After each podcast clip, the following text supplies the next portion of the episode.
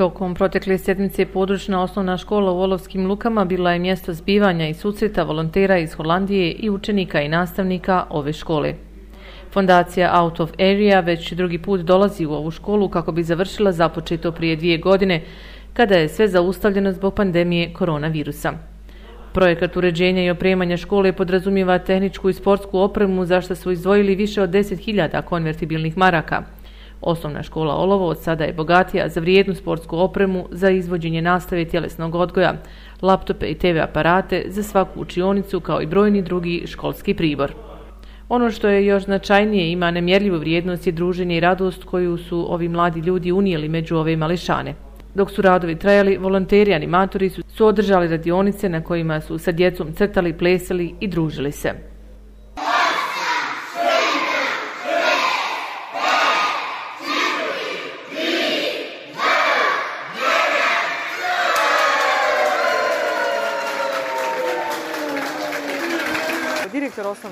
Škole Olovo, Edin Kljajić, evo nas u Olovskim lukama u područnoj e, školi na završnoj ceremoniji e, radova koje je izvodila Autoverija sa svojim volonterima iz e, Holandije, profesori i studenti. Radili su vrijedno, rezultate evo vidimo. Kako ste vi zadovoljni? Ja sam presretan. Evo, evo, znači prisutujemo toj maloj svečanosti primo predaje. Radovi su završeni, predivno izgleda. Uh mhm. -huh. Vidjet ćete kad uđete, predobro je. Volonteri iz Holandije, njih 29 učenika i 5 nastavnika, pratilaca, svi su zajedno vrijedno radili ovo vrijeme od ponedjeljka do danas i evo ovaj, uspješno su sve to priveli kraju. Koliko je, od, je urađeno učionica, hol, vidim? Yes, urađene su, potpuno su uređene četiri učionice, učionice koje se koriste, koje su upotrebi i hol, znači potpuno su uređeni zidovi, osikane su onaj, motivima i ilustracijama onako kako su djeca željela. Znači svako odjeljenje je imalo priliku da razgovara sa grupom koja je bila zadužena za njihovu učioncu i da kažu svoje želje, šta oni žele da bude oslikano na, na zidovima. Mhm. Sve te njihove želje su ispunjene. Osim toga, svaka od učionica dobija televizor, LED televizor, laptop, za nastavnika učionca u kojoj se nalaze učenici petog razda za, za nastav osnova tehnike dobija još nekoliko laptopa znači da, da bi se mogla kvalitetno izvod nastava informatike i osnova tehnike geometrijski pribori, pribori za djecu, lopte i tako dalje. Evo sad ne, ne, ne znam, ne, ne pada mi se na pamet onaj, šta sve ne. Onaj, uglavnom, otprilike jedna jako vrijedna donacija E, evo, ako bi mogao procijeniti samo ovo ovdje što je urađeno preko 10.000 maraka vrijednosti što, što se tiče materijalnog, ali ono ona druga strana je nemjerljiva, nema vrijednosti. Znači, da. nema vrijednost ovo što, što smo mi uh, prisutovali. To su djeca nešto malo starija od naših koji su sami platili sve te troškove i prikupljali novac da bi došli ovdje na neku svoju ekskluziju koju su proveli radnom. Evo, vidjeli ste, uh, ovih pet dana proveli su radno. To nema onaj cijenu.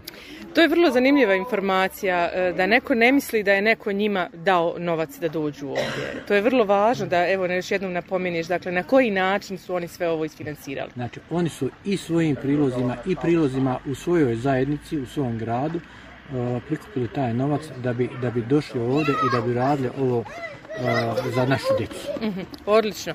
Ono čemu smo mi pristovali prije neki dan je e, donacija sportske opreme za centralnu dakle, školu, ali naravno i područne po potrebi. U, u, okviru, u okviru tog projekta. Da, da je i oprema za, za sportsku, sportsku dvoranu. Kako mi mm. samo u centralnoj školi imamo sportsku dvoranu, to je oprema koja je u, u, u sportskoj dvorani u centralnoj školi, ali naravno sva ova djeca koja završe ovdje peti raz, oni se svakako sele u centralnu školu i oni će biti prilici da tu opremu koristi. -hmm. Evo kad smo već, ovo sve ništa ne bi bilo moguće da nema djeci, jer dakle njima se ovo sve pravi.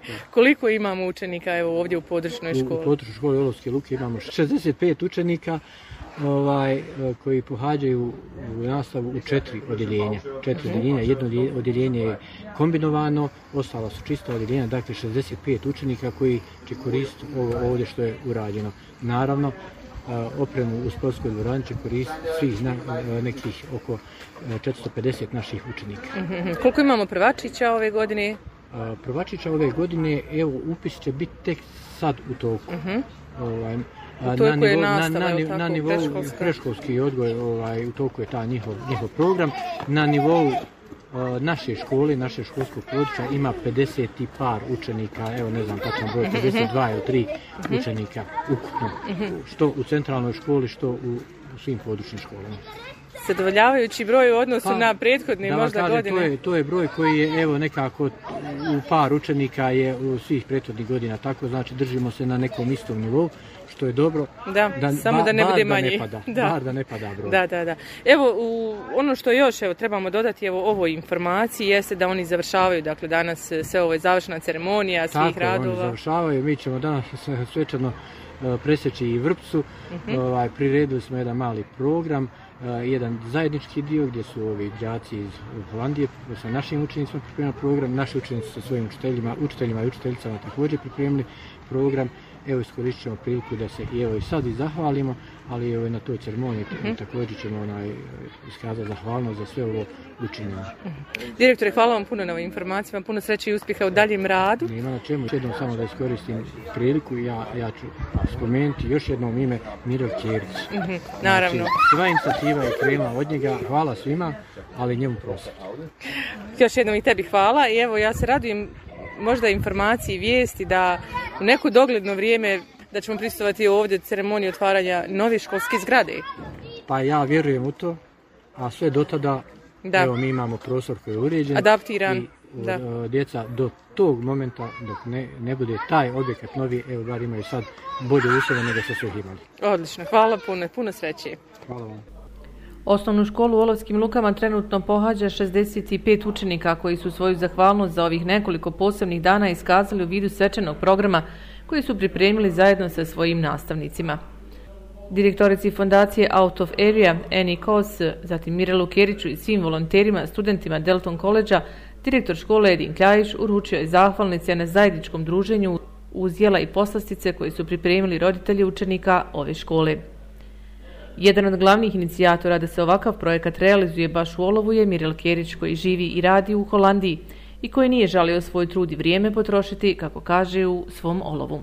drago mi da sam uspio bilo mali način, ovaj, e, pogotovo e, e, doprinijeti evo, e, ovakvoj pozitivnoj energiji koji su naši, ovaj, e, a i vaši učenici dobili ovaj, i nadam se da ćemo ovaj, u narednim godinama ne samo ovakve vrste projekata, nego i drugih projekata realizirati gdje ćemo se malo više družiti zajedno, malo više posjećivati e, taj dijapazon e, e, i granice malo više otvoriti, ovaj, jer dosta smo bili u, nekakvom, u nekakvoj kolotečni koja nas još od 90. godina vuče, ovaj, da se otvorimo malo e, pozitivnim stvarima, a pozitiva je nešto što mene čitavog života e, vuče. A najpozitivniji sam nekako kad sam na svom, a ja sam u Bosni uvijek na svom. E, a ono što je također zanimljivo, evo za evo, ovaj projekat završnice šlag je bio na kraju da ih vodite sve na Kids festival, je li tako? Sigurno. Evo, ćeš još jednom samo kazati na koji način ste i to isfinansirali i obezbijedili. Poslušaj, taj budžet koji smo imali i koji smo ponijeli sa sobom ovaj, zaklopio sve ove radove, sve ovo što smo uspjeli ovaj, realizovati ovdje u školi e, i na kraju smo ovaj, sedimo su konstatovali šta bi mogli još djeci napraviti e, e, u sklopu budžeta koji smo ponijeli, ovaj, a znamo da ova fundacija organizuje predivne festivale na koji su djeca stvarno uvijek oduševljena, jedan predivan dan, predivno iskustvo sa drugim volonterima iz Holandije, iz čitavog, iz BiH, našim ambasadorima ovdje, tako da smo e, e, s te strane, ovaj, ja mislim, jednoglasno svi e, e, bili za to da djeci uspijemo organizovati taj prevoz i posjetu ovaj, dječjem festivalu u Busovač, pošto je na prilike e, najbliže nekako olovo ja se nadam da će i tu ponijeti divne us- uspomene, da će biti fino, a nadam se da će nas neko ba nekom slikicom, nekim ovaj, e, e, e, videom e, dokazati kako su utisci. Tako da je to, eto, uklopilo se tako ovaj, e, e, završetak svega toga. Kad napuštate Bosnu i Hercegovinu? Idemo ujutru u, u, u 7 sati za Tuzlu, u e, 15 do 11 imamo leca e, nizozemsku, tako da se nadamo da ćemo oko 4-5 popodne ujutru biti kod svojih kuća. Onda nam treba sigurno jedno 2-3 sedmica da složimo sve ove impresije, sve što smo ovdje napravili, a, a, a to će se čuti i u Holandiji, vjerujem i na velikoj naširoko, pogotovo kroz naše studente, naše ambasadore, Ovaj, tako da se nadam, a apsolutno se ne skiram da, da, da, da će broj zainteresovanih s naše strane studenta iduće godine biti možda čak i veći nego ove Iskreno čestitke evo, od nas u ime svih građana Olova i zahvalnice, evo, u ime roditelja koji, čija djeca pohađaju u školu. Hvala puno, hvala na svemu, bilo nam je predivno drago da smo bili dio ovakvog projekta, a eto nadam se da ćemo i u budućnosti sigurno ili ovdje na nekom drugom mjestu u Bosni ovaj, e, realizovati e, ovako nešto kao što smo danas e, i ja i ti bili svedoci toga. Hvala puno, hvala radi Olovu, hvala svim mojim olovljanima i, i zemljacima. Fondacija Out of Area na kraju svega urađenog učenicima ove škole je poklonila odlazak na dječji festival Futura, koji krajem maja organizuje ova fondacija već dugi niz godina u nekoliko gradova u Bosni i Hercegovini. Za vrijeme boravka u Olovu, volonteri iz Holandije bili su smješteni u sportsko-rekreativnom centru Ajdenovići, a jedan od slobodnih dana iskoristili su da posjete i memorialni centar Srebrenica u Potočarima. I na kraju da pomijenemo posebnu zahvalnost i najduži pljesak dobile su članice foruma žena Sabina Jamaković koje su svaki dan spremale obroke za studente iz Holandije koji su po prvi put imali priliku probati jela naše tradicionalne bosansko-hercegovačke kuhinje nedeljka radimo e, četiri dana, s tim što su oni u srijedu posjetili Srebrenicu, tako da smo mi imali slobodan dan, a bilo nam je zadovoljstvo zaista kuhati za ovu divnu djecu. Oni su na jednoj plemenitoj humanoj misiji pomoći našoj, našim školama, našoj djeci, a zašto mi ne bi ovaj, izašli susreti i pripremili im ta naša jela da, da im pokažemo bosansku kuhinju i ono što mi znamo i umijemo pripremiti. Koliko obroka ste pripremile ove sedmice? Kad biste brojale, evo? Pa dnevno 35 obroka puta 4 dana, to je to. Mm -hmm. Evo i danas na ovoj završnoj ceremoniji također, je li tako? I tu ste računali? Da, mi smo danas pripremili ručak, a ovu, ovu, ovo posluženje pripremili su roditelji i baš, baš su me impresionirali kako su to lijepo odradili, kako su lijepo organizovali. Baš je bila bogata, pop, ovaj, bogat je bio sto, svega je tu bilo i baš im hvala. Eto, hvala i vama što ste opet na visini svog zadatka i odsvjetlale obraz, evo, svim članicama foruma žena Savina Jamaković. Hvala, hvala Radio Olovu i hvala svima koji su bili dio ovog projekta. Možda samo da vi pomeniš poimenično Nihada, Sabina, Emira, Enesa. Je Enesa. Enesa. Pa to je taj tim, ali mali, ali vrijedan Tako se uvijek organizujemo prema potrebi.